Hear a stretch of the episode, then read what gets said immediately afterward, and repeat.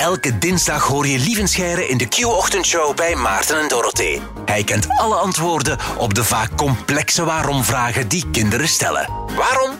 Daarom. Zoon Leon, vier jaar, stelt op het eerste gehoor een vrij simpele waarom-vraag. Maar hoe simpeler de vraag, hoe lastiger het antwoord dikwijls. Zo van die vragen waar je zelf niet meer bij nadenkt, omdat je stiekem niet durft toe te geven dat je het antwoord gewoon niet weet.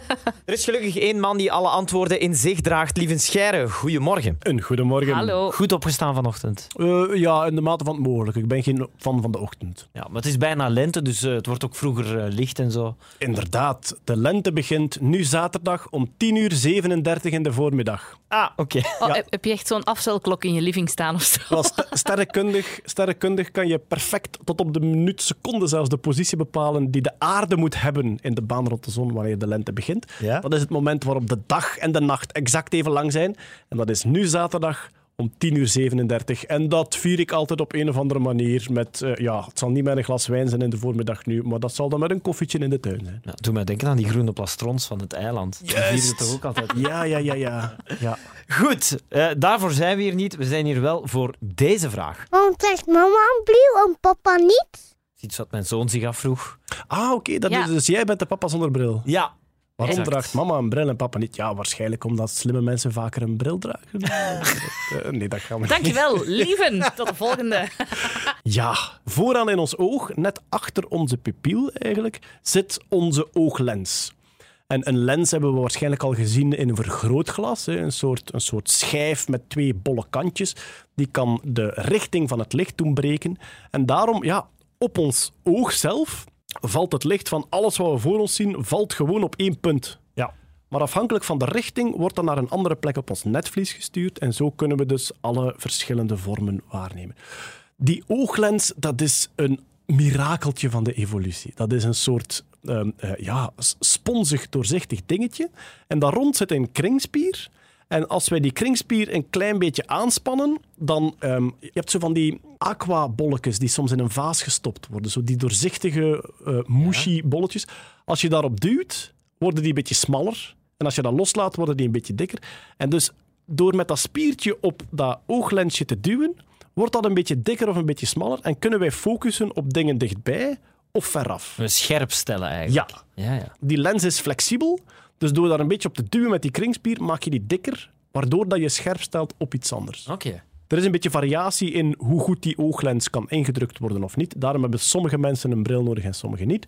En wat merken we ook, naarmate dat je ouder wordt, voornamelijk tussen je 40 en je 60 jaar oud, neemt die flexibiliteit af. Ze weten nog niet precies waarom, maar het is een soort constante. Ik ben nu, ja, ik word 40 in mei.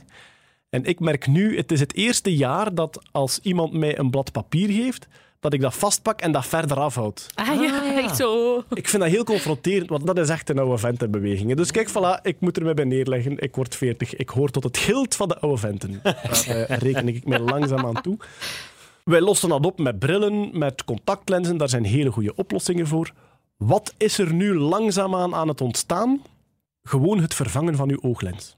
Vroeger werd dat vaker gedaan voor cataract. hè. Cataract is eigenlijk uw ooglens die troebel wordt en niet meer doorzichtig. Ja, dat is natuurlijk rampzalig. Dus dan werd die vroeger gewoon weggehaald. Nu vervangen door een andere lens.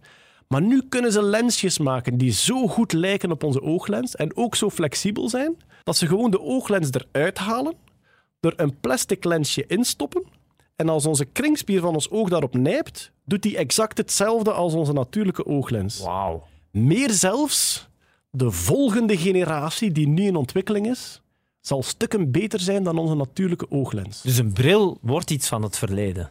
Dat hangt ervan af. Ik denk dat er nog altijd mensen zijn die gaan kiezen voor eh, je hoeft niet in mijn oog te snijden, ik ga wel gewoon een bril opzetten. Maar het vervangen van ooglenzen wordt steeds vaker gedaan, gebeurt ook steeds veiliger. En vooral, ik vind dat wel een confronterend iets, omdat we komen op een punt dat mensen met vervangen lenzen beter gaan zien dan mensen met natuurlijke lenzen. En wie weet, in de toekomst kunnen we daar Facebook aanhangen en zo aan die lenzen. Ja, maar ja, Dat is een volgende stap. Ja, kan dat iemand nog zien en dan staat die naam er automatisch ja, naast. en zo. augmented reality is. Dan worden we robotten. Maar op dit moment Ik ben blij dat ik nu leef hoor en niet zo over 200 jaar. Ah, my. maar er zijn nu al verslagen van mensen die dus die nieuwe experimentele lenzen ingeplant gekregen hebben en die zeggen van ja, ik kan, ik kan een blad papier op 5 centimeter van mijn oog houden en ik kan het perfect lezen, zeggen die. Amai. En dus, wie weet, ontstaat er zelfs een moment waarop dat mensen zeggen, kijk, als je gevechtspiloot wil worden, dan ga je moeten je lenzen laten vervangen. Ach, Zo ja. standaard, Ah, ja, ook voor iemand die goed kan zien. Ah, ja. ja, natuurlijk. En dat is iets wat wij niet gewoon zijn. Hè? Nee. We hebben altijd geleefd in een, een geneeskunde die steeds beter werd in het herstellen van de fouten. En we komen nu misschien terecht, langzaamaan, in een geneeskunde die af en toe dingen beter kan maken. Heel veel om naar uit te kijken. Haha. Maar dus samengevat, het antwoord op deze vraag Waarom trekt mama een bril en papa niet? is... Omdat de natuurlijke lenzen in papa zijn oog nog goed reageren op de spiertjes er rond.